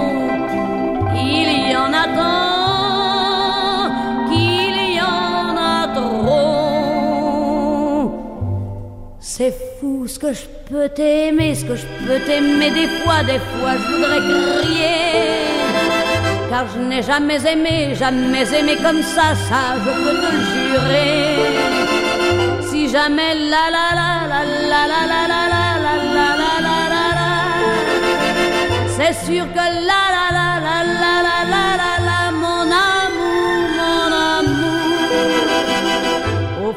ce n'était pas toi comme ce n'est même pas moi qui dis ces mots d'amour car chaque jour ta voix, ma voix ou d'autres voix, c'est la voix de l'amour qui dit des mots, encore des mots,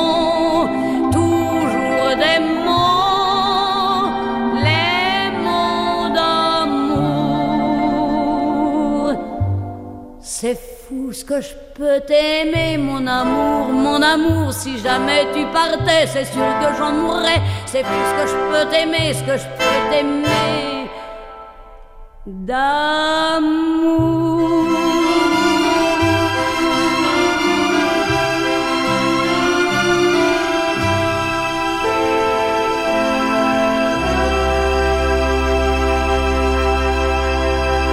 Ja, dat is mijn vriendin? Edith Piaf. Met Les mots d'amour. Ja, ja, ja. ja. Jeroen Brouwers, Ja, ja. dat is uw vriendin? Eh, Dat was ze ooit, ja. Ja, want u wordt er niet graag aan herinnerd, maar Och, op die och. manier bent u wel begonnen, hè? Dat is ook niet waar. Met een biografie over Edith Piaf. Een boekje, eh, nauwelijks een biografie te noemen. Lyrische straatmus Ja, ja, heeft u ze toen genoemd, in 1961. Ja, dat is god in 61 al, ja. U was 21 en zij was nog niet dood, hè? Nee, ze was bijna dood. ze stierf een jaar later, eh, twee jaar later. Ik geloof in 63. Ja, ze was in de 40 toen. Het was in militaire dienst. Waar ik dus veel gelachen heb. maar tegelijkertijd, ja, god, je moet je tijd vullen. Je kunt niet altijd in de kantine bakken bier gaan zitten opzuipen. Dus toen kreeg ik van iemand het, het, eh, het verzoek. Schrijf eens een boekje voor ons. Dat is de uitgeverij Lano. Toen, toen, toen Martin van Nierop, als ik me niet vergis, was dat toen de baas. Over Edith Piaf. Ik weet geen moer van Edith Piaf. Daar kwam weer de schaar te passen. Ze ben ik gaan knippen als een idioot. Alles over Edith Piaf, wat, wat maar, wat maar. Was er nog niet veel over, over haar. Wat ik kon verzamelen, nou ja, dat, dat zet ik in dat boekje. Bestaat het nog? Heeft u het nog? Ik zal wel een exemplaar hebben in mijn kast. En toen ik bij, eh, bij Demian zat om daar het hout te, te, te, te presenteren... toen kwam er iemand eh, op mij af met Edith Piaf. Of ik dat wilde signeren, maar dat wil ik niet. Nee? Omdat dat een curiosum is geworden en, en, en niets te maken heeft met eh, de literatuur van daarna. Daar zaten natuurlijk ook kalenders van boeken tussen. Ik hoef nou niet, op, niet, niet te blijven opscheppen. Maar die signeer ik dan nog wel, omdat dat in, een thuis hoort in het literaire leven. Maar Edith Piaf niet meer. Waar het echt mee begon was met de verhalenbundel, hè, 1964, Het mes op de keel. Ja. Hoe werd daar toen over geoordeeld Oh, door dat, is, de oh, dat, critici? dat is met de grond gelijk gemaakt. En heeft u dat geraakt? Oh, zeker. Dat de kritiek zo negatief was? Ja, ja, geraakt in die zin. Zie je wel, men onderkent mijn genialiteit niet. Daar bleef niets van over van mensen op de keel. En, en tussen 64 en 68 of zo heb ik nooit meer gedurfd te schrijven. Ik durfde niet meer. Ik ben niet goed, ik ben niet goed. En, men ziet dat en hou ermee op. En toen ben ik toch weer gaan proberen. toch, toch weer mijn, mijn moed weer verzameld. En door wie of wat dan? Bent u toch Ja, door, terug beginnen schrijven? Ja, door eigen aandrang. Nee, ik heb nou helemaal besloten schrijver te zijn, dus schrijf. En toen ontstond Joris Okkeloen en het wachten. En dat kreeg opeens jubelende kritiek. En, en de Vijverbergprijs en, eh, noem maar op. Dacht, Ja, ik ben op, goede, ik ben op de goede weg.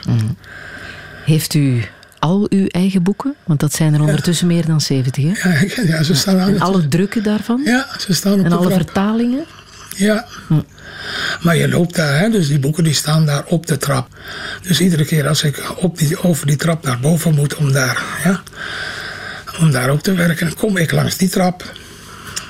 En vooral als je de trap afkomt, dan kijk je recht in die, in die, in die kasten. En dat heb ik gemaakt, wat er allemaal staat. heb ik gemaakt.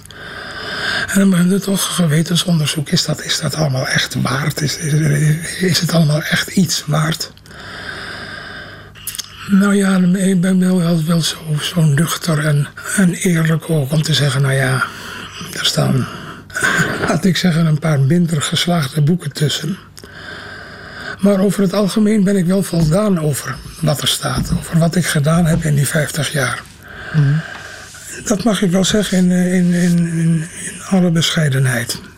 Ik voel daar een bepaalde trots bij. Bent u voldoende erkend geweest? Ik denk dat ik naar alle redelijkheid wel erkend ben, ja. Het zou kunnen dat u met het hout bijvoorbeeld de ACO wint of de Libris of de Gouden Boekenuil. Wat gaat u dan doen? Dus een paar jaar terug, toen kreeg ik een uil, geloof ik. Of mijn zoveelste uil. En toen heb ik gezegd, ik doe hier niet meer aan mee. Omdat ik toen tot het inzicht kwam. Ik wil hier niet aan meedoen, omdat het een competitieprijs is. Je moet boksen tegen eh, collega's van je. En dat wil ik niet. Literatuur is, is geen competitie-aangelegenheid. en toen heb ik dat aangekondigd. Maar ik heb gezegd, ik ben niet vies van dat, van dat bedrag. Kom het maar brengen. Zet het maar op een bankrekening. De geldprijs die u niet heeft aangenomen is de driejaarlijkse prijs der Nederlandse letter. Die heeft u toen niet aangenomen. Nee, nee, nee. Maar dankzij u is die geldprijs wel verhoogd. Zie je wel, alweer iets dat, dat, waar ik de stoot toe gegeven heb. Zou het kunnen dat u, u die toch nog ontvangt volgend jaar, als die opnieuw wordt uitgereikt? Daar heb ik nog geen tel aan gedacht. Waarom zouden ze dat doen? Omdat u het verdient? Hadden ze het toch ook de eerste keer kunnen doen? Hadden ze toch meteen kunnen zeggen: Nou, oké, we verhogen die prijs tot, wat is het nu, 40.000 of zoiets. Oké, Brouwers, maar dat hebben ze niet gedaan. En eh, zal ik dan die prijs nu gaan aanvaarden? God, ik denk het wel hoor, aangezien ik een huis moet, eh, moet, moet zien te bekostigen. Met gouden eh, deurknoppen. En, en geld, ja, dat is prima. Ik, heb- de schrijver heeft geen geld, dus breng het maar binnen. Heeft u spijt van dat soort uitspraken en polemieken die u heeft veroorzaakt? Van geen enkele polemiek heb ik spijt. Omdat dat prachtige polemieken zijn. Nee, daar heb ik geen spijt van. Is het uw manier om een goed mens te zijn, om te zeggen waar het op staat? Ik ben in ieder geval geen slecht mens. Maar polemiseren, dat doe je niet om een goed mens te zijn hoor. Nee, dat doe je omdat je kwaad bent, verontwaardigd bent over een situatie of een instituut als de taalunie of eh, het feit dat de Vlamingen toen geen Nederlands kenden. Je- bent kwaad en je wil daar blijk van geven en het bewijzen dat je, dat je hoofdzakelijk gelijk hebt. Mijn polemieken worden nooit weersproken. Is je dat wel eens opgevallen? In ieder geval is er niks, niks wat ze tegen mij kunnen inbrengen... omdat ik een fout heb gemaakt of, of niet goed heb nagedacht... of niet goed gedocumenteerd ben of enzovoort. Heeft u daar ook vrienden meegemaakt met de polemieken die u heeft geschreven? ik denk het niet. Denk Alleen vijanden? Ja, en vijanden, ja, dat weet ik niet. Ongetwijfeld zijn er nog altijd mensen kwaad op mij, ja. Maar dat moeten zij weten. Heeft u talent voor vriendschap? Jawel. Jawel. Jawel, ja, dat talent heb ik. Ja. Ik ben trouw. Aan, aan, aan vrienden, aan geliefden en, en zo. Ja, ik ben trouw. Maar ja, aan alles komt altijd een eind. De koffie, die, opeens is de ook leeg en dus is er een eind aan. Aan alles komt altijd een eind. Ook aan vriendschappen? Wel ja. Aan liefdes en aan, relaties en zo. Niet omdat je dat zoekt, maar omdat het, gaat, het, verrafelt, het, het, verdwijnt, het vernevelt. Het, zo. En dat is jammer. En ook weer niet. Want waarom zou je dat hebben laten verrafelen als het zo'n grote vriendschap was? Zo, hè? Ik heb ook wel een paar vrienden nog, maar ja. Dat maar ja moet je invullen als... Ik woon te ver weg, ik woon te ver van de wereld. Dus als ik een vriend heb in Amsterdam, ja, die moet dan helemaal van zijn huis naar het station met de trein naar Maastricht en Maastricht enzovoort. Dat, uh, die, zullen die vriendschap niet iedere week blijven honoreren. Ik woon te ver weg.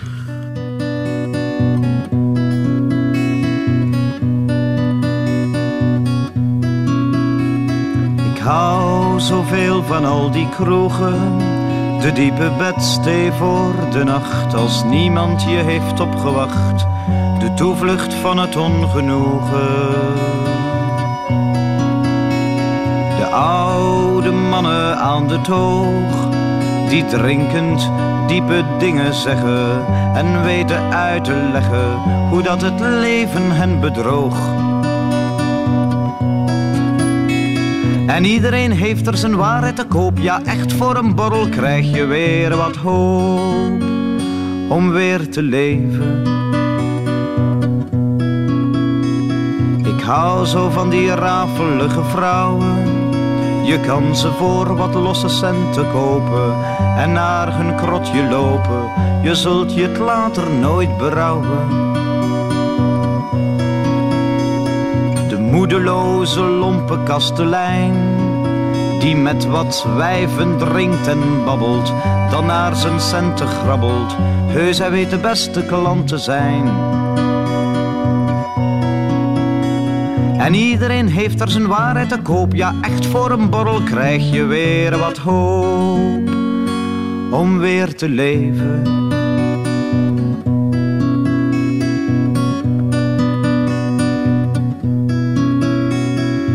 Hou zo van die afgetrapte honden, die altijd weer wel ganse nachten er op hun meester wachten, tot die de straat wordt opgezonden. Ik hou zoveel van al die kroegen, het zwijgend met gedachten spelen, het stille mededelen. En s'morgens, s'morgens is het weer te vroeg. Jeroen Brouwers, dit was Wim de Kranen met Kroegen. Ja, een vrolijk lied, dat hoor ik wel. Wat herinnert u zich nog van de tijd dat u nog in de kroeg zat? Ah, dat maakt me melancholiek, als ik daaraan terugdenk. Dat was vooral de dolle Ja, in, in, die jaren, dus dat is lang geleden hoor. Jaren 60. Is dat zo? Ja, ja, ja, eind 60, begin 70, ja, ja, ja. Oh, dat was, dat was een briljante, vrolijke tijd. Mhm. Ook die heeft mij zeer verrijkt.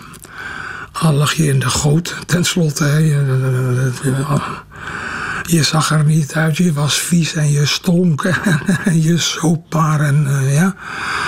Al dat gedoe met meisjes enzovoort. Ja, tenslotte lag je in de goot. Maar ook dat is heel leerzaam. Wat is er in de goot allemaal te doen? dat, dat, heeft, dat, is, dat is een reservoir voor mij geweest. Ik heb daar veel, veel mee gemaakt. Hè? Mensenkennis ook. En avonturen beleefd. En, ja, dat is een reservoir geweest. In, in de begintijd, of toen ik echt begon te schrijven, heb ik daar veel, veel uit, uit, uitgeput. En, uh, en daar kwamen de schrijvers, de kunstenaars, de filosofen kwamen ook samen daar. Zeker, zeker. Daar, daar, het enig bewuste café. Al het gespuis hing daar rond in die kelder, ja. ja. Maar ook dat verloederde tenslotte het... Onder... Voor iemand was, was u toen in die tijd? Een vrolijke paashaas. ik was een, een, een, konijntje in de maneschijn. Vrolijk. uh, uh, gretig. Ik wilde dat allemaal zien en meemaken en ondergaan. En, en zo, ja, ja, ja. Maar het was ook een, een moeilijke tijd. Hè? Het was de tijd van de Koude Oorlog. De ja. Cuba-crisis. Ja, en daar ging dat het waren die jaren. Daar ging het over in de dolle mol. Hè? De politieke debatten en uh, ja, ja, ja. Maar daar hadden wij niks mee te maken. Wij zaten in de kroeg, punt. Jullie gingen niet op de barricade jawel, staan? Jawel, jawel, ik niet hoor, ik niet. Maar men ging wel op de barricade staan. Ja. Kleis, Herman Kleis, dus de baas van de Dolle Mol. Die ging op een tank staan in het, in het centrum van, van Brussel en werd daar vanaf getrokken door de, hoe heette dat, de BOB. Wat was er toen nog, hè? De Belgische opsporingsbrigade omdat die smerige Kleis, die verkocht ook uh, seksbladen in zijn winkeltje en... Posities of zoiets. Van die seksboeken, van die fotoboeken waarin seksstandjes werden gefotografeerd. Allemaal verboden, allemaal slecht en, en zo. En politiek op zij werd van die, van die tank gerukt. Met als gevolg dat men uitzocht, wie is die Kleis eigenlijk, die viezerik? Ah, die heeft een kroeg, wat is dat voor een kroeg? En daar zat het gespuis en daar viel de politie regelmatig binnen... en werd hele, hele bende opgebracht in het politiebureau van Brussel en, zo. Nou, dat, dat, die atmosfeer. Ja, dat was uh, treurig en tegelijkertijd bleef men lachen. Een, een, een, tijd van optimisme toch hoor, ondanks Cuba en, en de Koude Oorlog. De Koude Oorlog ja. Dus wat ik zeg, als ik zo'n zo lied hoor, ja, dan vervult mij dat met melancholie. God, zo was ik vroeger ook. Mm, mm. Wim de Kranen die, um, is uit het leven gestapt uh, ja, toen hij het, 40 was. Um, blijkt ook nog altijd dat mannen tussen 40 en 65, dat er heel veel zijn die dan uit het leven stappen. Dan ben ik weer te laat. het is iets wat u ook fascineert, hè? vooral bij schrijvers. Die schrijvers ja, die ja, ja. uit het leven stappen. Ja, ja, ja. Er is zelfs een boek over gemaakt, De Laatste Deur. Zal het sterker vertellen. Dat boek is dus van 83, dus dat is alweer even terug. Dat moet, zegt mijn uitgever, opgefrist worden en aangevuld. En of ik daar maar uh, mijn tijd aan wilde besteden. Dat wil ik wel hoor, maar ik heb er nu nog even geen zin in. En uh, ja, omdat dat boek van 83 is dus. En er intussen tal van schrijvers opnieuw tot zelfmoord zijn overgegaan. Ja, moeten die ook in dat boek. En uh, die moeten ook portretten en essays en enzovoort hebben. Dus dat is nog wel een gigantenkarwei. Maar hoe bent u daar destijds aan begonnen? Of was er iets het, dat jawel, jawel, u heeft getriggerd ja. om daaraan te beginnen? Uh, ja. Opnieuw de dolle moltijd. Opnieuw die, die, die, uh, die, die tijdspannen dat er toen de ene zelfmoord van schrijver na de andere plaatsvond.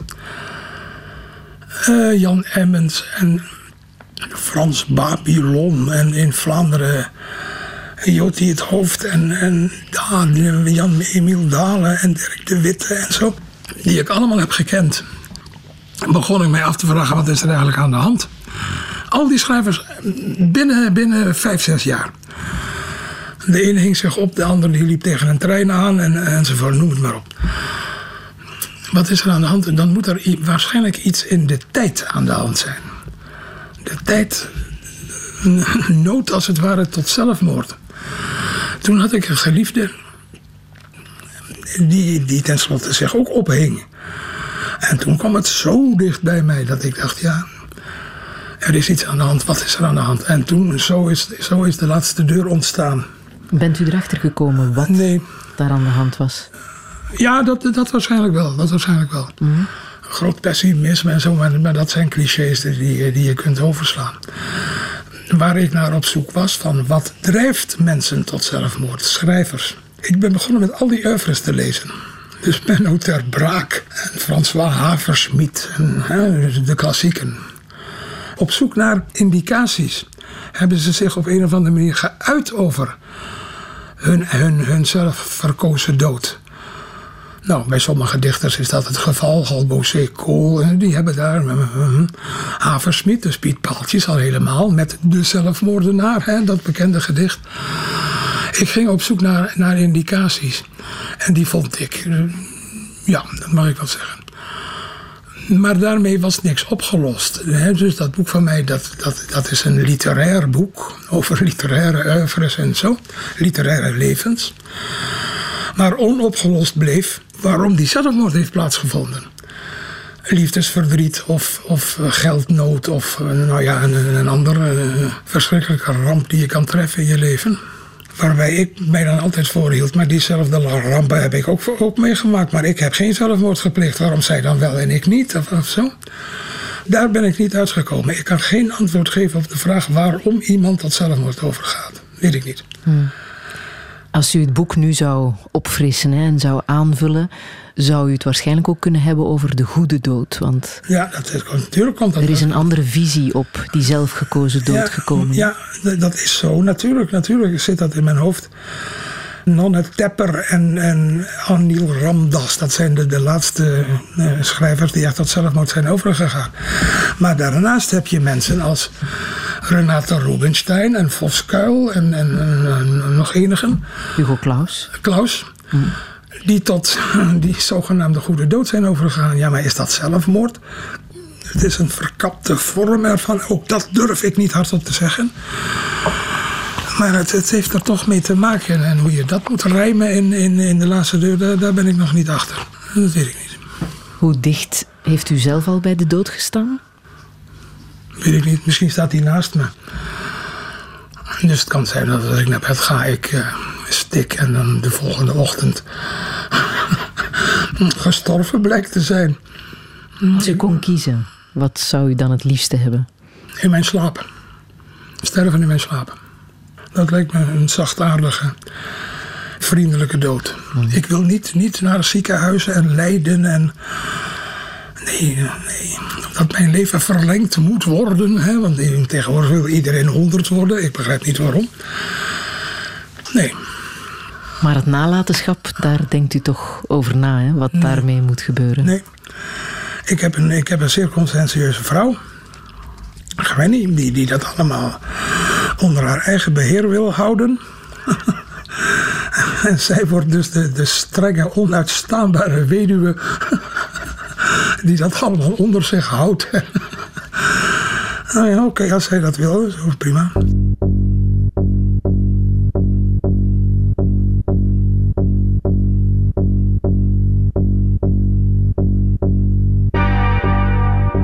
Je tante Jo, die in pension het leven nog steeds haar eigen goede zontaart bakt. En door het leven gaat met even opgeheven hoofd als vroeger. Zij het ook scheef gezakt in heupen en in schouders, minimaal, zoals ze zelf zegt. Houdt behalve van Berliner bolle spek en schuttingtaal van dominoën domino's, dan trilt heel de tafel van haar allemachtig bij het nederploffen van haar dubbele zes. Je zwijgt maar stil. Het beste mens is tachtig en daarbij afschuwelijk aan de fles.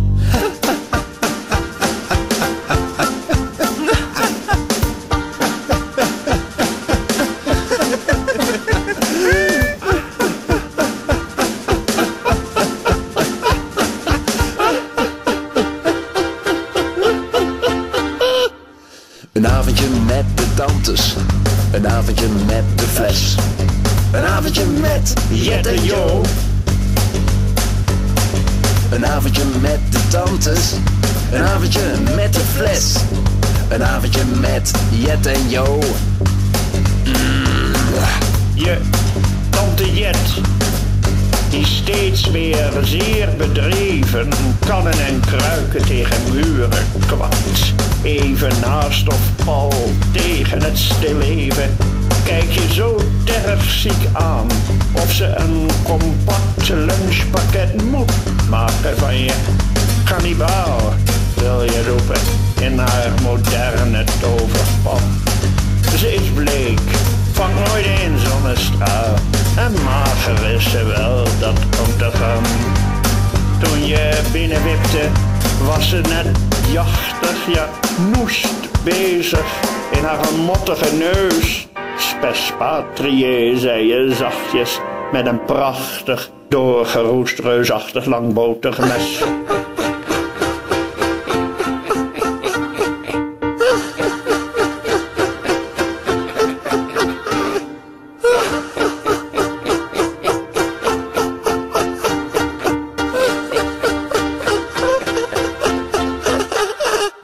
Avondje met de tantes, zo heet dit nummer van eh, Louis Gauthier. En met de stem van Gerrit Komrij, u niet onbekend, Jeroen Brouwers.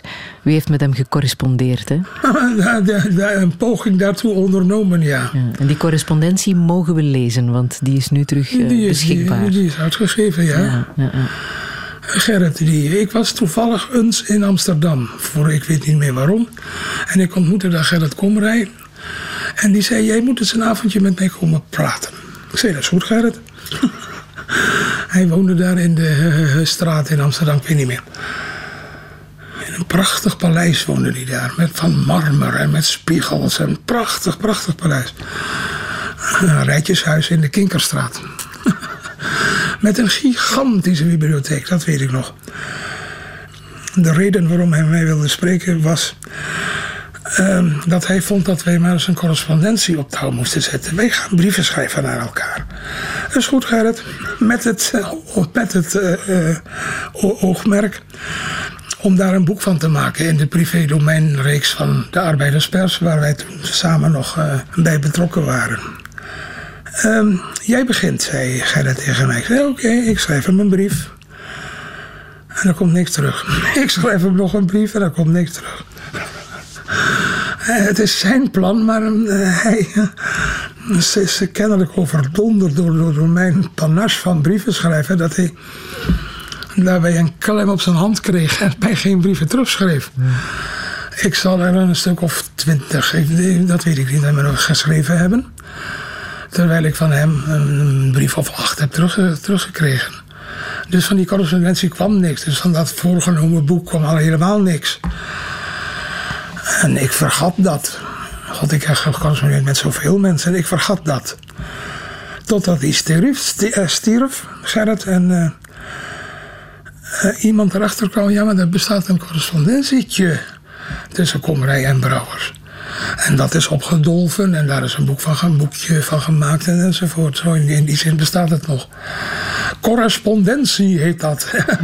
Heel breed en opschepperig, terwijl het een paar brieven bevat.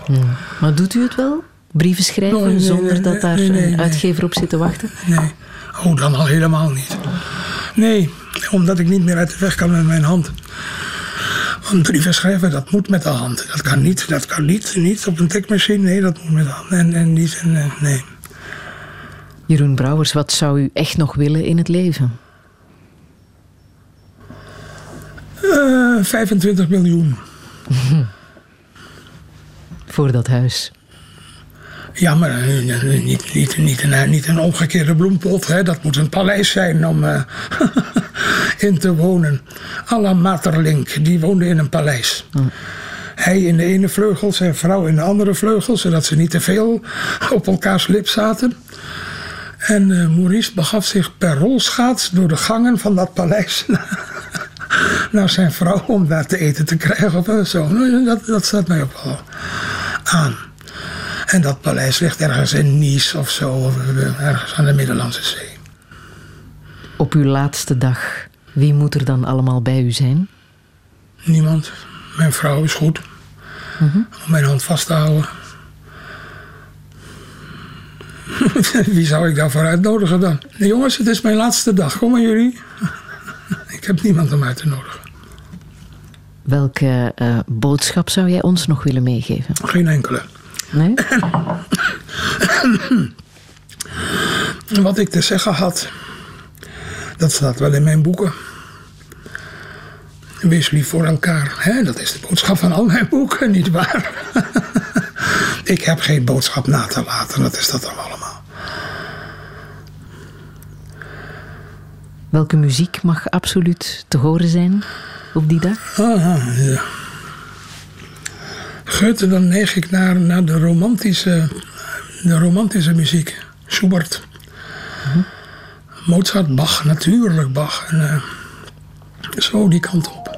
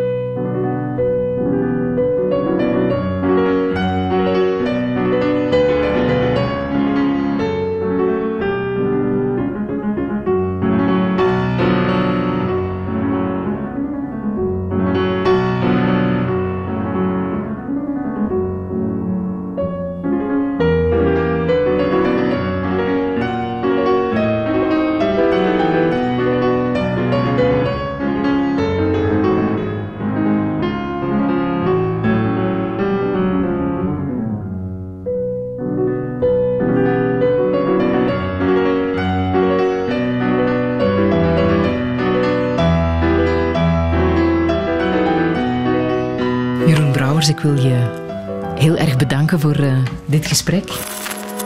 Herbeluister Touché via de podcast op radio1.be.